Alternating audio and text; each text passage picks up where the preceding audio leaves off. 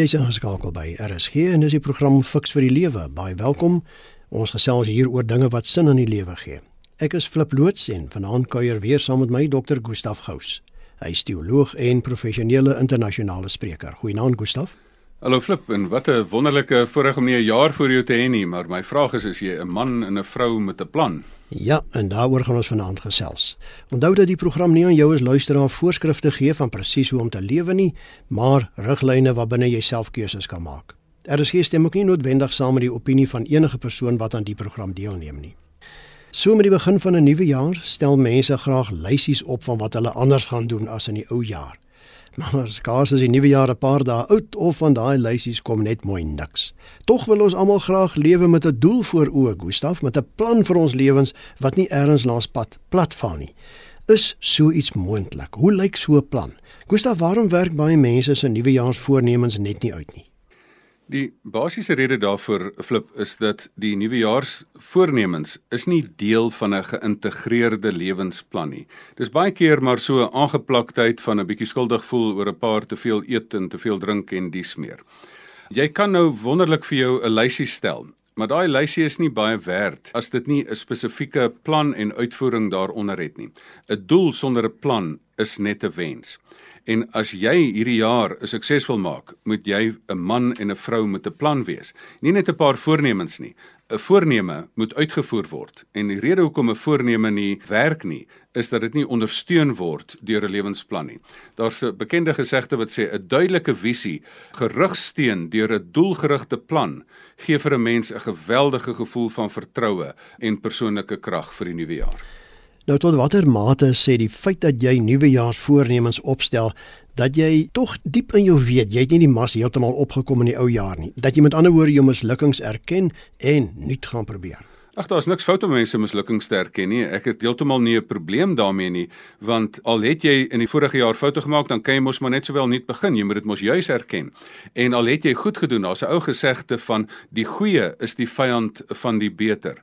So die feit dat 'n mens die intensie het, moet ons op kapitaliseer. Ons moet vir onsself sê maar hierdie nuwe ding wat voor jou lê, hierdie opgewondenheid, moet ons nou juis inspireer En ons taak vanaand is om dit prakties te maak dat mense in hulle self weet daar is 'n diep wete in myself van ek is 'n doelgerigte mens. Is dit nie interessant nie?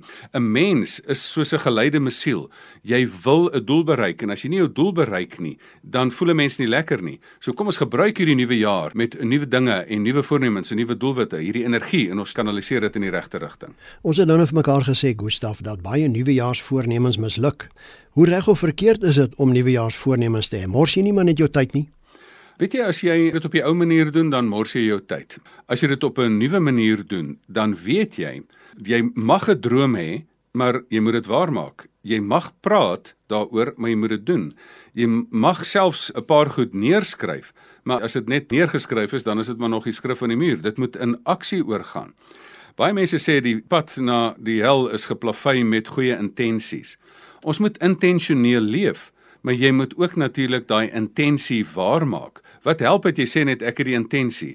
Jy kan nie 'n reputasie bou oor dit wat jy nog sê jy gaan doen nie. Jy kan net 'n reputasie bou oor dit wat jy gedoen het. Nou help ons 'n bietjie. Is daar iets 'n plan of enigiets van die aard wat 'n mens meer standvastigheid en koers kan bied in die nuwe jaar as maar net 'n klompie nuwejaarsvoornemens? Ek doen dit baie eenvoudig. My hele lewe wy ek daaraan om vir mense hiermee te help om vir hulle nuwe lewensplanne te kry. So dis een van die lekkerste goed vir my om oor te praat. Wat vir my verstommend is, flip, is dat dit is vir mense so logies. As jy 'n huis bou, nê, nee, dan het jy 'n argiteksplan nodig. Gaan bou nou 'n huis en jy kry nie toestemming by die stadsraad as jy nie 'n pragtige gedetailleerde plan wat volgens spesifikasies voldoen indien nie. Maar nou wil mense hulle volgende lewenshoofstuk bou en hulle het nie 'n plan nie. Ek vra vir mense letterlik, wys vir my jou skriftelike plan vir jou toekoms. Dan kyk mense my met sulke glas oë aan. As jy 'n reis beplan, het jy altyd 'n punt A, jy het altyd 'n punt B en jy het altyd 'n roete om daarby uit te kom. Die rede hoekom mense nie kan koers kry in die lewe nie is nommer 1, hulle weet nie wat is B nie. Die interessante ding in lewensafrigting. Daar's 'n groot verskil tussen 'n sportafrigter en 'n lewensafrigter. 'n Sportafrigter wil altyd 'n persoon van A na B kry. Ons het nie die wêreldbeker nie, ons wil die wêreldbeker hê en ons gaan hierdie roete volg om daarby uit te kom. B is altyd duidelik. Die eerste stap in die lewe wat vir jou koers gee, is jy moet B definieer. Jy moet daai huis bou. Jy moet sê dit is hoe die huis wil lyk wat ek wil bou. Jy moet die argiteksplan kry. Die eerste stap is jy moet jou gedagtes kristalliseer. Dit is kristalliseringsafrigting. En dan is dit implementeringsafrigting daarna. Dan breek jy dit stapsgewys af van hoe kom ek van punt A na punt B. Onthou, 'n lewensplan, 'n plan vir jou volgende jaar is altyd A, ek is nie op 'n lekker plek nie. Soos in die vorige program gesê het, dit was dalk eintlik 'n vrot jaar gewees die vorige jaar. Maar weet jy wat? Dit is dan die beginpunt om na B te gaan verbeter. A staan baie keer vir aklig, maar B staan vir beter. Alle afrigting is, dit gaan van punt A na punt B toe. En dan moet jy vir jou die roete kry om daarby uit te kom. En daai roete moet dan geïntegreer wees in 'n holistiese lewensplan. Dat jy nie net sê maar nou gaan ek my finansies beter aan aandag gee nie, dan skeep ek my gesondheid af nie. Of ek gaan nou hierdie fikse man of vrou word, maar dan is ek nou so baie in die gimnasium dat ek nie tyd genoeg het om geld te maak nie. Of ek is nou so besig om hard te werk en al die ander goed te doen dat ek nie het om my familie aandag te gee nie. So alle goeie planne is ek is by A, ek is baie realisties oor waar ek is. Ek gaan op punt B toe en ek moet daar uitkom. En ek kry vir my 'n nuwe plan op die agt lewensareas in my lewe, van my fisiese lewe, my familielewe, my sosiale lewe, my geestelike lewe, my persoonlike slyp aan myself, my werk vir geld, geld wat vir my werk en die verskil wat ek in die samelewing maak. Dit is RSG met die program Fix vir die Lewe waarna jy luister en ons gesels oor 'n nuwe jaarsplan vir my lewe. My gas is Dr. Gustaf Gous. Gustaf, hoe aanpasbaar behoort my lewensplan te wees ingeval dinge nie uitwerk soos ek dit graag sou wou hê nie? Net soos die plan aanpasbaar moet wees, want jou vorige plan wat jou resultate van laas jaar gebruik het, moet nou hierdie jaar natuurlik aangepas word. Ek moedig mense aan om gereeld 'n lewensbeplanningswerkswinkel byvoorbeeld by te woon, want die plan moet gereeld aangepas word want jy verander jou lewensomstandighede verander. As jy nou die plan gemaak het, dan sê mense nou, moet ek nou maar rigied voortgaan in hierdie plan? As jy mos nou gaan sit en jy het 'n plan om van hier af tot by 'n ander plek te kom, soos nou die dag met die vloede in Centurion, en jy beplan om oor daardie brug te ry en daar's 'n vloed, dan gaan jou plan mos aanpas. Selfs die GPS sê nee, ek gaan rerouting of wat ook al sê, mos daai vroue stem op die GPS dat hulle sê maar ek gaan nou 'n nuwe plan maak. In die planmaak wêreld, as jy 'n plan gemaak het, is dit mos nou nie 'n rigiede ding nie. Jy hou mos jou oë oop. As jy nou beplan het om in hierdie rigting te ry en die brug het verspoel. As jy beplan het om in hierdie rigting te gaan, jy het mos nou 'n plan, 'n bergklimplan. Nou sit ek daar en ek wil daar wees en ek wil hier wees en hier's 'n rivier en vloed voor my. Ek kan tog mos nou nie net met my plan voortgaan en in 'n rivier vol vloed instap nie. As daar 'n slang voor jou inseil, dan spring jy mos nou vinnig een kant toe en sê luister, ek maak nou vinnig 'n nuwe plan of ek neem 'n ompad om nog steeds by my doel uit te kom.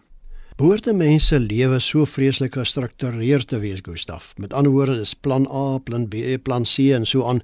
Of kan ek nie ook maar net reageer op die dinge wat op my pad kom nie? Ek is mos 'n nugtere, denkende mens. Daar's baie mense wat dit mos nog selfs verder vat en sê maar ek moet nie beplan nie want God sal nou net my lewe beplan. Die Here gee vir jou 'n speelveld en op daai speelveld sê hy jy moet iets doen op hierdie speelveld. Ek dink daar is 'n fyn balans. Daar's party mense wat so hipergestruktureerd is dat hulle teen Maart maand al weet presies waar gaan hulle vakansie hou Desember en hulle weet presies hoeveel minute gaan hulle by drie susters stop. Dit is 'n bietjie erg. Dan's 'n party mense wat sê maar ek wil so in die oomblik leef en ek wil my net laat lei en as ek nou voel ek wil hierdie kant toe gaan en dan kom jy in 'n dorpie en dan staan nie 'n enkele blyplek in 'n gastehuis waarin jy kan inboek nie. Ek het op albei maniere al my lewe dit probeer en albei van hulle werk nie lekker nie. Jy moet 'n baie gestruktureerde plan hê. Jy moet 100% duidelikheid hê oor waarna toe wil ek gaan. Jy moet gekristalliseer duidelikheid hê oor wat wil ek met my fisiese lewe doen? Wat se gewig teiken wil ek bereik? Wat wil ek eet? Maar as daar dan op 'n plek kom wat jy nie nou presies jou dieet het nie, dan sê nou maar okay, nou pas ek nou maar 'n bietjie aan en ek gaan nou nie vir mense nou um, almal net rondom my pype laat dans nie. Dan stel ek nou maar my plan met 'n dag uit sodat ek nou ietsie anders kan eet. Jy moet 'n kristalhelder duidelik plan hê maar dan moet jy ook bereid wees om ompaaie te vat om daarby uit te kom. So, ek dink weer eens die voorbeeld van 'n slang wat voor jou inseil. Jy het 'n plan om so te gaan, maar dan kan jy vinnig links spring en dan die vlugvoetigheid hê om dan weer op die pad terug te kom, op pad na jou ou oorspronklike plan toe. Ek hoor so tussen alles wat jy sê Gustaf twee goeters dat 'n mens 'n voorneme kan hê en dan die aksie van daai voorneme. Wat 'n verhouding tussen die twee behoort daar te wees. Ek dink die voorneme moet 'n mens gaan kristalliseer in 'n spesifieke prentjie. Dit gaan altyd oor 'n prentjie in 'n plan. Die verhouding tussen lewensplan en aksie is baie belangrik. Ek sê altyd lui mense het te min planne en daarom dryf hulle. En omdat hulle geen plan het nie, is daar geen aksie nie, want as jy na niks mik nie, dan tref jy dit gewoonlik. As jy na niks mik nie, dan dobber jy net rond. So watse aksie moet jy nou in lyn sit? Vat nou 'n bietjie vir daai selfoon van jou. Hier's hierdie absolute fantastiese programme wat nou vir jou navigeer. As jy nou net die selfoon aansit, daai program aansit, dan wys hy vir jou waar jy is. Daar's 3 satelliete wat jou optel. Hy wys jou waar jy is.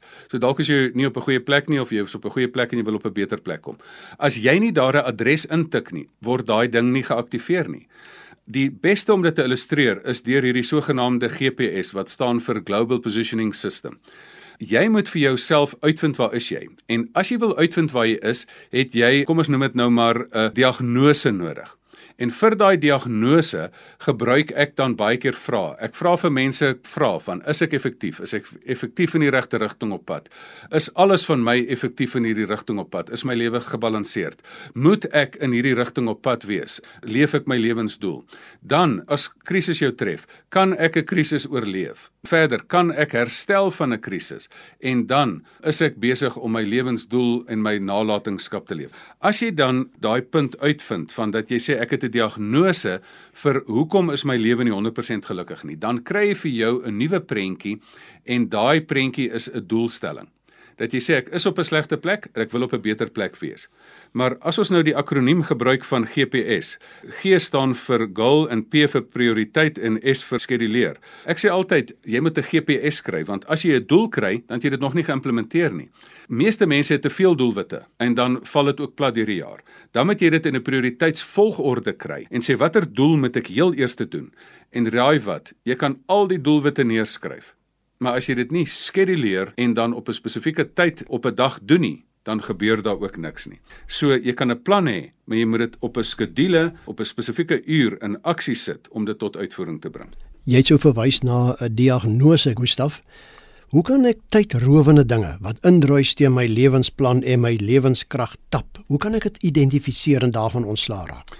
Op daardie eerste vraag van die diagnose wat ek baie vir mense in lewensbeplanningsseminare mee help oor jare alreeds, is dit dat jy moet vra is ek effektief? En een van die maniere hoe jy dit identifiseer is jy probeer onderskei tussen wat dringend is en wat belangrik is. Een van die bekende skrywers, Stephen Covey, het hierdie kwadrante gehad. Hy het gesê party dinge is dringend, maar is nie belangrik nie. So jy mors eintlik tyd met die ding. Dit is dringend. Doen nou antwoord nou hierdie foon, maar dit is sommer net 'n sinnelose oproep wat kom. Dan is daar dinge wat belangrik is, maar nie dringend nie dan vergeet ons dit, dan skep ons dit af. Dit is belangrik om bietjie met jou kinders tyd te bestee en met jou familie tyd te bestee, maar nou hanteer jy bestee al jou tyd aan al die dringende dinge. Dan is daar dinge wat nie dringend is nie en nie belangrik is nie. Dis daai absolute nonsens Z prioriteite in jou lewe. Dan bestee jy nou al jou tyd nou op daai sinnelose met die vingers speel op al die sosiale media en kyk hierdie prentjie en kyk daai prentjie en dan mors jy jou tyd. Dit is die tydrowende dinge wat 'n mens aan moet aandag gee. Dat jy die dringende wat nie belangrik is nie, moet uitgooi. Hoe bepaal jy jou prioriteit? Dit is daai prioriteit wat jou geluksmeting die meeste gaan opskuif en dit is al daai goeders wat belangrik en dringend is. 'n Dringende belangrike ding moet 'n nommer 1 prioriteit kry. Dit is ek dink ons grootste fout wat ons maak dat ons op Z prioriteite, op tydrowende dinge ons tyd bestee en dan steel dit ons goeie kosbare 24 uur wat ons almal het. Jy kan 'n klomp tyd wen deur al daai negatiewe goeders weg te gooi. Jy is in die geselskap van RSG en luister na die program Fix vir die Lewe. Ek is Flip loods, my gas Dr. Gustaf Hous en ons praat vanaand oor 'n nuwejaarsplan vir my lewe. Maar Gustaf, hoe belangrik is dit vir 'n suksesvolle nuwejaars lewensplan om te weet waarvoor nee gesê moet word en waarvoor ja gesê kan word?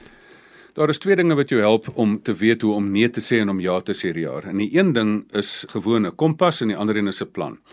As jy weet jy wil in daai rigting gaan en jou kompas sê dis noord en jy wil noord gaan, dan weet jy mos jy moet nie wes of oos afdraai nie.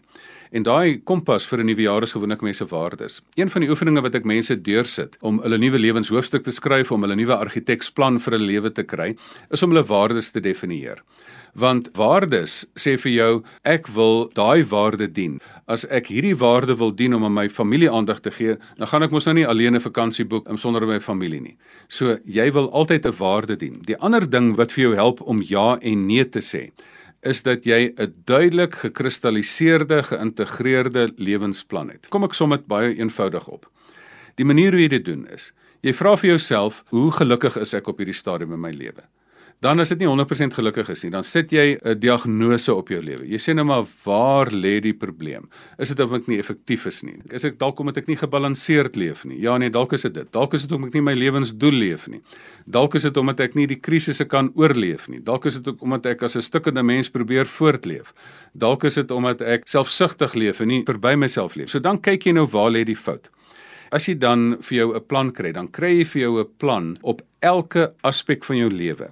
En as jy dan 'n fisiese plan 'n familieplan het, 'n sosiale plan het, dan weet jy mos vir watter kos om ja voor en nee te sê. As jy sekere gewig verloor, dan sê jy mos nou ek gaan eerder hierdie banting produk gebruik as ek nou daai ding gebruik.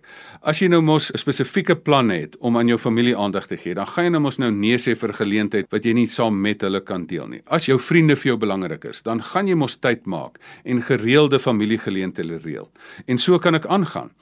As jy wil weet waarvoor om ja en nee te sê, kry jou waardes in plek kry vir jou 'n gekristalliseerde lewensplan in plek. Kry die prentjie in plek, dan weet jy mos waarvoor om ja en nee te sê. Partyke voel mense so half alleen op hulle eie, Gustaf, asof hulle dit nie self kan regkry nie. Watter rol kan 'n mentor of vriende of selfs die kerk speel in my nuwejaars lewensplan met betrekking tot die regte leiding en selfs vermaaning waar nodig? Net soos ek verstom is dat mense die logika het as hulle 'n huis wil bou, moet hulle 'n argiteksplan kry en as hulle 'n fliek wil maak, dan moet hulle 'n draaiboek daarvoor hê. Net so verstom is ek dat mense dink hulle kan die wedstryd van die lewe wen sonder 'n lewensafrigter. Kan die Springbokke die wêreldbeker gewen het sonder 'n rassie? Natuurlik kan jy dit nie doen nie selfs senior besigheidsmense. Hulle weet, hoe kan jy nou 'n besigheidsplan opstel sonder dat jy professionele hulp inroep? Vir die maatskappye vir wie ek konsultasiewerk doen, dan hak hulle vas in 'n produksieproses, dan vlieg hulle die beste hulp en die beste konsultant van Europa af in om hulle te kom help, omdat hulle weet hulle het daai raad nodig. Nou, hoekom wil jy nou die spel van die lewe speel sonder 'n mentor of sonder 'n lewensafrigter of sonder iemand wat vir jou tot verantwoording kan roep? Daarom het ek self afrigters. Duidelik is my eie lewensafrigter sit in Singapore. Dit is 'n bekende besigheidsman wat baie sukses bereik het wat in my lewe inspreek en wat dan vir my die prentjie gee en wat vir my my verantwoordingsverwysingspunt is. Dan bel ek hom en gaan ek sê: "Hallo Mr. Koo, hoe gaan dit?" Dan sê hy: "Gustaf, hoe gaan dit met jou boek wat jy beloof het om te skryf?" Dan sê ek: "Mr. Koo, kan ek net 'n bietjie praat?" En hy sê: "Nee, Gustaf, jy het my aangestel. Jy het gesê jy moet my tot verantwoording roep. Ek gaan jou op jou voete hou." Dis mos wat 'n lewensafrigter doen. 'n Afrigter kan mos vir jou sê, jy kan tog nie in hierdie span wees as jy nie opdaag vir oefeninge nie. Dis wat ek ook vir mense sê. Jy kan my as lewensafrigter aanstel en jy kan my fire as ek nie my werk doen nie, maar ek kan jou ook fire as jy nie vir oefeninge opdaag nie. Daarom moet 'n mens die waarde begin insien van dat ek vir mense nie net vra waar is jou lewensplan nie, wat help om dit te kristalliseer nie. Dit kan 'n mens doen. Maar dan vra ek vir jou, waar is jou implementeringsafrigter? En dan kan jy ook subafrigters kry. Jy het 'n oorkoepelende afrigter skryf wat ek 'n meta-afrigter noem wat 'n lewensafrigter is wat jou help om die lewensplan uit te werk. Maar dan het jy subafrigters wat jou gimnasiuminstrukteur is, wat jou mediese dokter is, wat jou dieetkundige is, wat jou familieafrigter is wat vir jou kursusse daaroor gee, wat vir jou besigheidsafrigter is om vir jou help om besigheidsplanne te ontwerp, wat jou geestelike afrigters, wat jou geestelike leiers is. Dit is so lekker om die lewe in te gaan dat jy 'n oorkoepelende geïntegreerde plan het en dat jy dan 'n handvol afrigters het wat jou help om hierdie planne te implementeer. Nou maar jy net nie self dink maar ek weet alles en ag, wat is jy nou weer vir my kom vertel hoe om te lewe nie, nê? Nee. Weet jy wat is lekker daarvan? Is as ek seminare aanbied, dan sê ek vir mense, wat gee vir my die reg wat ook maar 'n medespeler is om hier voor mense te staan en die aanspraak te maak dat ek mense in 'n rigting kan lei, want ek is ook 'n speler, ek is ook iemand wat swaar kry, ek is ook iemand wat probeer om 'n professionele lewe te integreer met 'n gesinslewe. Ek is ook iemand wat moeg word en my energievlakke probeer bestuur. Maar al wat ek vir mense sê is As jy in 'n groep is en almal wil in 'n rigting gaan en net een het 'n selfoon met 'n GPS wat nou vir mense in 'n rigting in kan lei, wie is die leier van die groep? Net soos 'n selfoon se GPS jou kan lei van punt A na punt B, kan jy die leier wees, kan jy iemand se lewensafrigter wees as jy die gereedskap het om te sê hoe identifiseer 'n mens A, hoe kristalliseer 'n mens B en hoe kry jy die aksiestappe om uit te kom by B en wat moet jy eers doen? Wat is jou eerste prioriteite en wat is die gewoon die kuns van doelstellings? Daai gewone kuns maak dat jy die reg kan hê om as 'n lewensafrigter vir mense op te tree.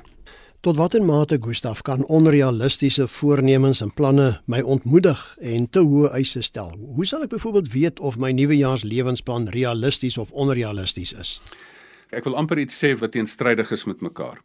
Aan die een kant moet 'n doel bereikbaar wees. Hy moet realisties wees. Almal wat iets van doelstelling weet, weet dat daar 'n akroniem is wat hulle reg deur die wêreld gebruik en sê dat 'n doel moet sogenaamd SMART wees. Spesifiek, meetbaar, attainable of haalbaar, realisties en tasbaar.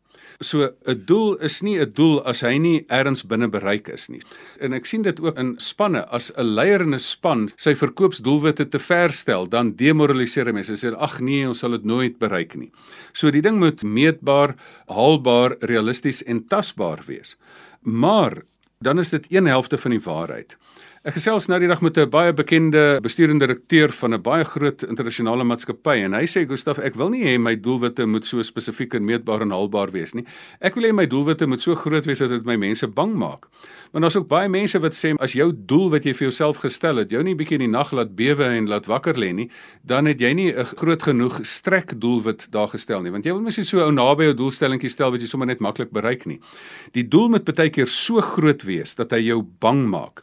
Die Engelse konsultante praat van 'n BHAG goal, big hairy audacious goal. Hy moet so grootharige, skrikwekkende doel wees. En baie keer moet 'n mens dit ook hê. Ek wil net 'n laaste ding hieroor sê. In die navorsing oor doelstellings het ons agtergekom dat doelstellings party mense depressief maak. Die rede daarvoor is dat hulle die einddoel visualiseer en nie die stappe visualiseer nie. As 'n hoogspringer wil oor die paal spring, dan visualiseer die hoogspringer nie die medalje nie, maar die stappe. En as jy dan wil hê dat jou doelwitte realisties moet wees, dan moet jy minstens die doel hê en die stappe visualiseer. As jy jouself sien in die gimnasium, dan gaan jy gewig verloor. Moenie net die nuwe lyf sien nie, sien die oefen. As jy die nuwe finansiële doel wil bereik, sien die aksie wat jou die geld laat maak. As jy die wedstryd wil wen, sien jouself die 3 druk en moenie die goue beker staan en visualiseer nie. Nou ja, Gustav, kom ons vat saam. Prakties gesproke, hoe kan ek vir myself 'n suksesvolle lewensplan opstel? Baie eenvoudig. Vra vir jouself, hoe gelukkig is jy op hierdie stadium? As dit nie 100% is nie, dan sit vir jou 'n diagnose, 'n stuk gereedskap op. Vra, wat veroorsaak dat jy by daardie punt A is? Dan as jy eerlik oor punt A, dan kristalliseer jy B en dit is 'n proses wat jy begelei kan word en dan as jy B duidelik gekristalliseer het, dan kry jy 'n implementeringsproses, maar in prioriteitsvolgorde. Anders gaan jy maar net weer op Z doelwitte fokus. 'n Prioriteitslys wat jy dan daagliks skeduleer en implementeer. En dan ook soos ons gesê het, ten beste doen jy dit met behulp van 'n afrigter, 'n persoon of 'n mentor wat jou kan help in hierdie proses. Dit dan al 'n finansiële fiks vir die lewe. Baie dankie dat jy saam met ons gekuier het. Dankie ook aan my gas Dr. Gustaf Gous. Gustaf net weer jou kontakinligting vir ons luisteraars. E-posadres: gustaf@gustafgous.co.za. As iemand vir my, maar hulle mag net 'n WhatsApp stuur op 0825657451 inligting vra, dan stuur ek vir jou inligting.